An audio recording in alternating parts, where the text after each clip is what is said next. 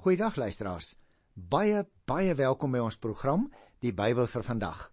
Ek spring sommer dadelik in die dam saam met jou en dan gesels ons uit die evangelie volgens Johannes se beskrywing, die 14de hoofstuk, en ons begin by vers 15. Die opskrif daarvan is: Die Heilige Gees sal by julle bly. Vers 15 sê: As julle my liefhet, sal julle my opdragte uitvoer. Het jy nou nog die prentjie in jou kop? Die Here Jesus gaan weg. Judas gaan hom verraai. Petrus gaan hom verloon. En nou staan daar hier: As julle my liefhet, sal julle my opdragte uitvoer. Jy sien, die disippels was natuurlik as gevolmagtigde verteenwoordigers van die Here Jesus uh, wat agterbly, mense wat sy opdragte moet gaan uitvoer. Hulle liefde vir die Here Jesus moes natuurlik ook sigbaar tot uiting kom juis deur hulle gehoorsaamheid aan sy optrede. Daarom wil ek vra luisteraar jy 'n bietjie in jou Bybel kyk as jy hierdie 14de hoofstuk van Johannes lees. Hier word sommer 2, 3 keer gesê as julle my liefhet, sal julle my opdragte uitvoer. As ek nou vir jou so vra, het jy uh, het jy die Here lief? Natuurlik gaan jy sê, natuurlik vir Johannes die Here lief. Voer jy sy opdragte uit. Jy sien of jy sy opdragte uitvoer of jy gehoorsaam is. Dit is die bewys van die diepte en die egtheid van jou liefde. Vers 16. Ek sal die Vader vra en hy sal vir julle ander voorspraak stuur om vir ewig by julle te wees. Die Here Jesus sê dus dat hy die Vader sal bid om 'n ander voorspraak wat natuurlik 'n benaming is vir die Heilige Gees. Jy sien, hy is ons helper, hy is ons pleitbesorger. Hy is ons bemoediger. Hy is permanent in en by ons. Dus nakies as 'n mens gaan lees in 1 Johannes 2 vers 1 word Jesus ook genoem die voorspraak by die Vader. Ons het dus twee voorsprake broers en susters, naamlik die Heilige Gees en die Here Jesus. Die betekenisse van sowel trooster en raadgewer is in 'n sekere sin lyk dit vir my saamgevat in die woordjie voorspraak. Want jy sien die Heilige Gees is die persoon wat in en vir ons werk. Hy's die helper, hy's die pleitbesorger, hy's die bemoediger om die disippels te begelei elke dag. Die begeleiding deur die Heilige Gees is nou nog 'n werklikheid in ons elkeen se lewe. Met ander woorde, die Here gaan voort om te doen wat hy gesê het deur sy Gees. Vers 17 sê: Die Gees van die waarheid Die wêreld kan hom nie ontvang nie omdat hulle hom nie sien nie en hom nie ken nie, maar julle ken my, omdat hy by julle bly en in julle sal wees. Jy sien die ander voorspraak, soos wat die Here Jesus die Heilige Gees nou so pas genoem het in die vorige vers, is dus die Gees van die waarheid wat die waarheid aangaande Jesus Christus meedeel. Kom ek sê dit so. Omdat die wêreld as gevolg van sy sonde die gees nie geestelik kan sien of ken nie, kan die wêreld as gevolg van sy gebroke verhouding met God hom ook nie ontvang nie. Die disippels het egter 'n geestelike verhouding met die Gees omdat hy in hulle woon. Daarom hulle ken hom. Vers 17 is dit vir ons 'n baie konkrete vers, né? Ons kan verstaan die wêreldling kan nie die Heilige Gees sien nie, want hulle ken ook nie die Seun nie maar ons weet hy bly by ons en het jy opgelet hy is in ons. In die hoofstuk wat volg gaan ons nog baie daarmee te make kry dat die Heilige Gees juis in ons woon ons oortuig ons bystaan.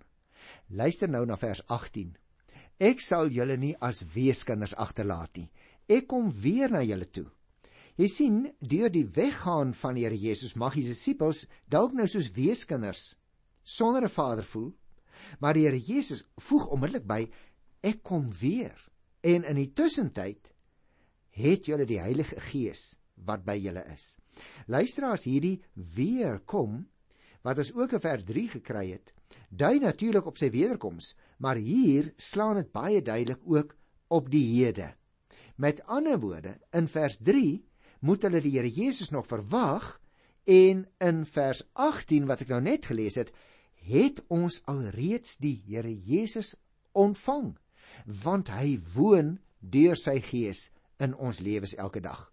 Vers 19 sê nog net 'n klein rukkie en dan sien die wêreld my nie meer nie, maar julle sien my omdat ek lewe en julle sal lewe. Ag natuurlik, die kruisiging en die opstanding is nou naby, nog net 'n klein rukkie. Omdat die Here Jesus opstaan, sal sy volgelinge hom sien en hulle sal ook geestelik met hom lewe deur die inwoning van die Heilige Gees. Maar omdat die sondige wêreld, soos hy dit hier noem, hom nie aanvaar nie, sal die hom ook nie na die opstanding sien nie. En vers 20 voeg by: Daardie dag sal julle weet dat ek in my Vader is en julle in my en ek in julle. Jy sien luisteraar by die opstanding van die Here Jesus. Dit is waar op daardie dag hier in vers 20 slaan. Op daardie dag, die dag van die opstanding, sal die onderlinge inwoning tussen die Vader en die Seun en die disippels 'n stuk sekerheid vir die disippels wees. Dit sal deur die Gees bevestig en geborg word. Vers 21 gaan selfs verder want daar staan wie my opdragte het en dit uitvoer. Ek het net nou gesê dit kom 'n paar keer voor, hier kry ons dit weer. Wie my opdragte het en dit uitvoer, dit is hy wat my liefhet. En my, wie my liefhet hom sal my Vader lief hê. En ek sal hom ook lief hê en my aan hom openbaar. Jy sien om die opdragte van die Here Jesus te aanvaar en dit werklik te gehoorsaam is die nuwe kenteken van iemand wat vir Jesus liefhet. Kom ek sê dit andersom die resultaat is dat die Vader so 'n persoon sal lief hê en meer nog Jesus sal hom ook lief hê en hom aan so 'n gehoorsame persoon bekend maak. Luisteraars, so 'n wederwysige liefdesgemeenskap berus natuurlik op die konkrete gehoorsaamheid van die opdrag om mekaar lief te hê. Daarom is hierdie vers 15 en vers 21 juis vir ons so belangrik dat ons sal weet ons liefde vir die Here word getoets aan die mate dit blyk uit die mate as jy wil waarop ons die Here Jesus liefhet. So as ek dit nou tot hier toe sou moes opsom in 'n paar woorde, dan sou ek wou sê, liewe luisteraars, mense wens soms dat hulle kon weet wat in die toekoms gaan gebeur, sodat hulle daarop voorberei kan wees.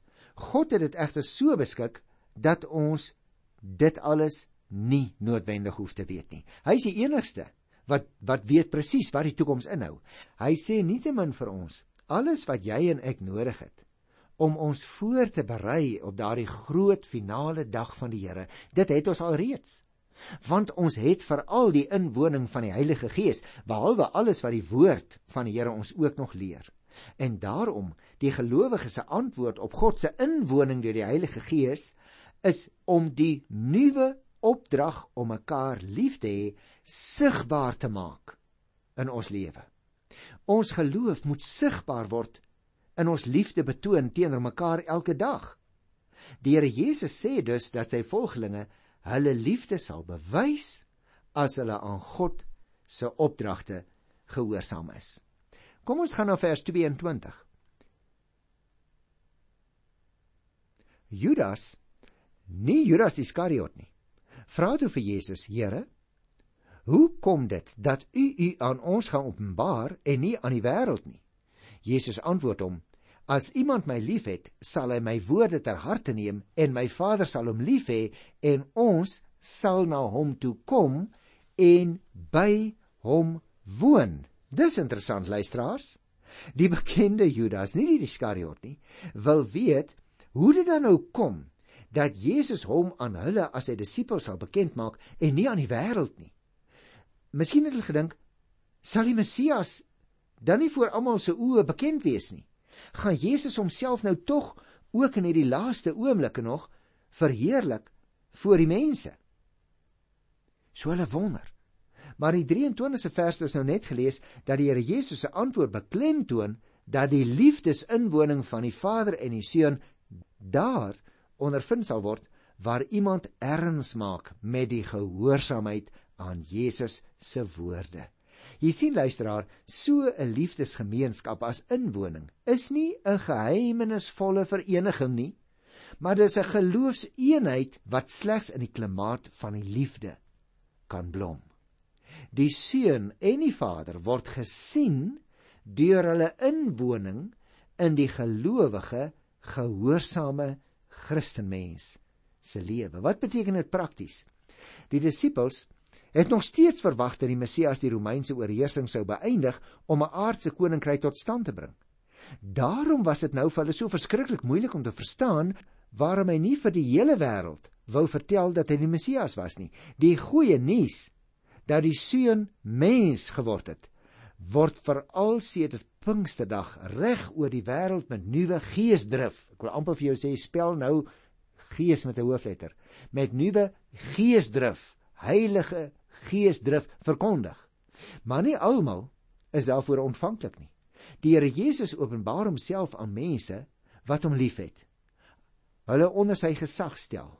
Die wêreld in sy ontkenning van Jesus Christus is nie op dieselfde golflengte as die golflengte van die Heilige Gees nie. Mag ek die beeld gebruik terwyl jy na die radio luister? As jy nie op hierdie spesifieke radiogolf inskakel nie, sal jy nie ons program hoor nie. Net so. As jy nie op die golflengte van die Heilige Gees inskakel nie, sal jy nie die influistering van die Heilige Gees in jou eie lewe hoor en ervaar nie.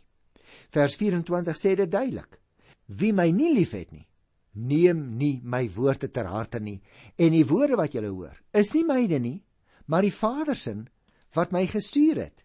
Jy sien Jesus se woorde dra gesag luisteraar.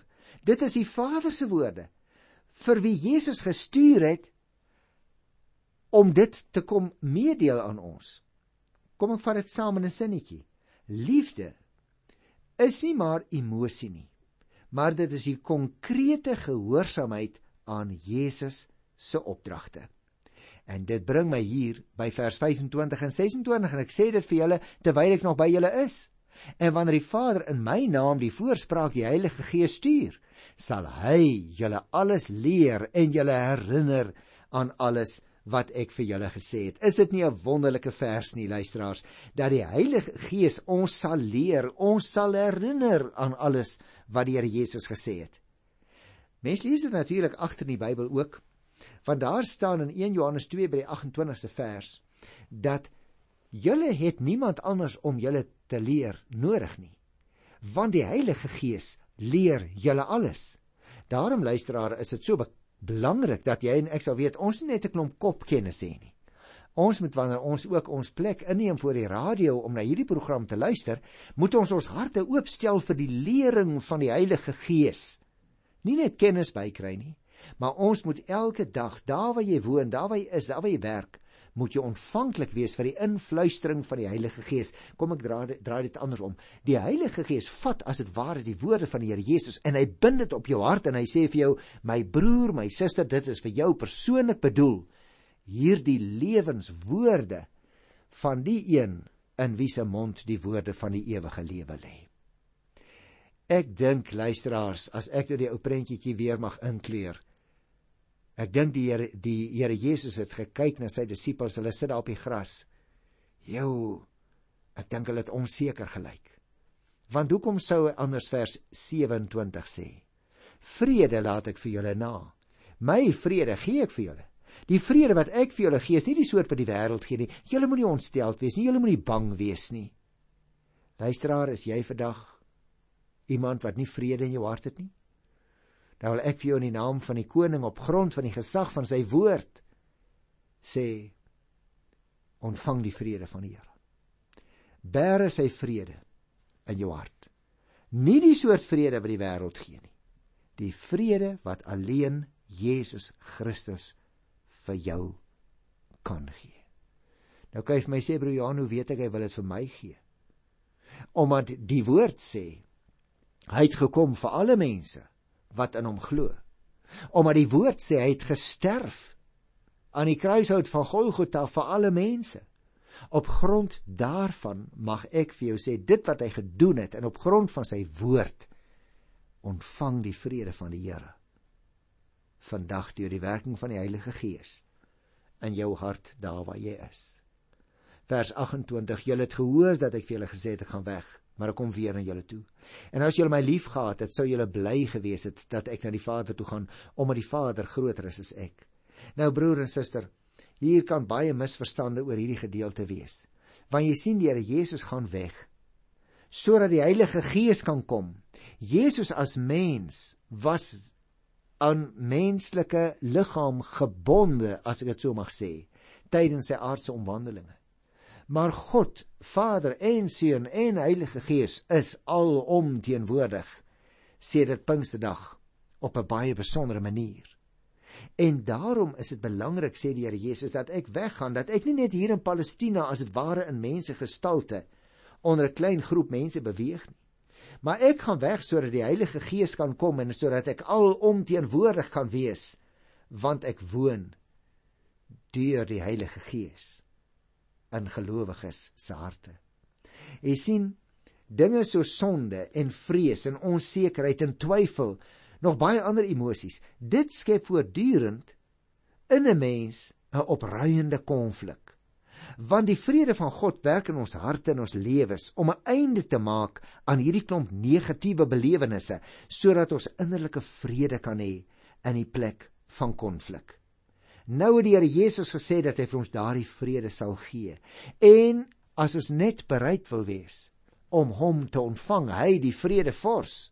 Vrede met God, luisteraar, beteken vrede met jouself en ook vrede met ander mense. En dit is juis waarom die Here Jesus gekom het.